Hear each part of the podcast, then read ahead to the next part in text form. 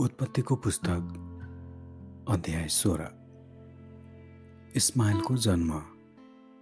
आफ्नी पत्नी साराईबाट अब्रामको कोही सन्तान भएको थिएन। तर हागार नाउँ भएकी तिनकी एउटी मिश्री कमारी थिए साराईले अब्रामलाई भनिन् हेर्नुहोस् परमप्रभुले मेरो कोख बन्द गरिदिनु भएको छ। यसकारण मेरी कमारी कहाँ जानुहोस्? सायद त्यसबाट मेरो निम्ति सन्तान हुन सक्छ। अब्राहमले साराईको कुरा माने। अब्राहम कनानमा बसेका दस वर्षपछि तिनकी पत्नी साराईले आफ्नी कमारी मिश्री हागारलाई आफ्ना पति अब्राहमलाई तिनकी पत्नी हुनलाई दिइन् अनि तिनी हागार कहाँ गए र त्यो गर्भवती भई। जब त्यसले म गर्भवती भएछु भनी थाहा पाए तब त्यसले आफ्नी मालकिनीलाई तुच्छ दृष्टिले हेर्न लागि। साराईले अब्रामलाई भनिन् म माथिको अन्याय तपाईँकै शिरमाथि परोस्। मैले आफ्नी कमारी तपाईँकै काखमा दिएँ र त्यो गर्भवती हुने बित्तिकै मलाई तुच्छ दृष्टिले हेर्न लागि। परमप्रभुले तपाईँ र मेरो बिचमा इन्साफ गरिदिउन्। तर अब्रामले साराईलाई भने हेर तिम्री कमारी तिम्रै हातमा छ। त्यसलाई जे गर्नु मन लाग्छ त्यही गर। तब साराईले त्यससित कठोर व्यवहार गर्न लागिन्। र त्यो तिनको सामुन्नेबाट भागेर गई।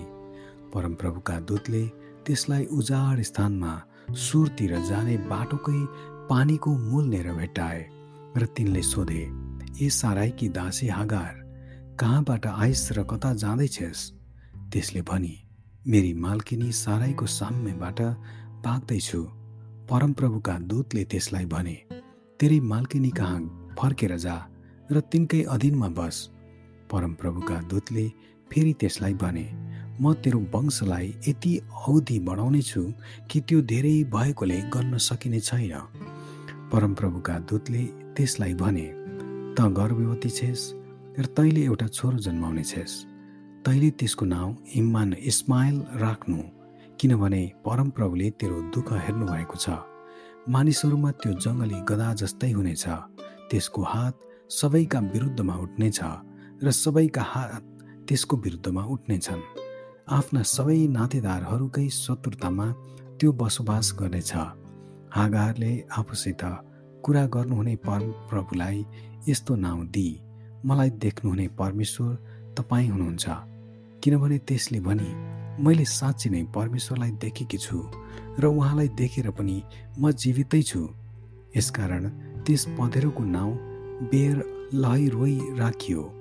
कादेशका बेरेदको बिचमा यो पर्छ अनि हागारले अब्राम एकजना छोरो जन्माइन्। हागारले जन्माएको आफ्नो छोराको नाउँ अब्रामले इस्माइल राखे। हागारले अब्रामको निम्ति इस्माइल जन्माउँदा अब्राम छयासी वर्ष पुगेका थिए। आमेन।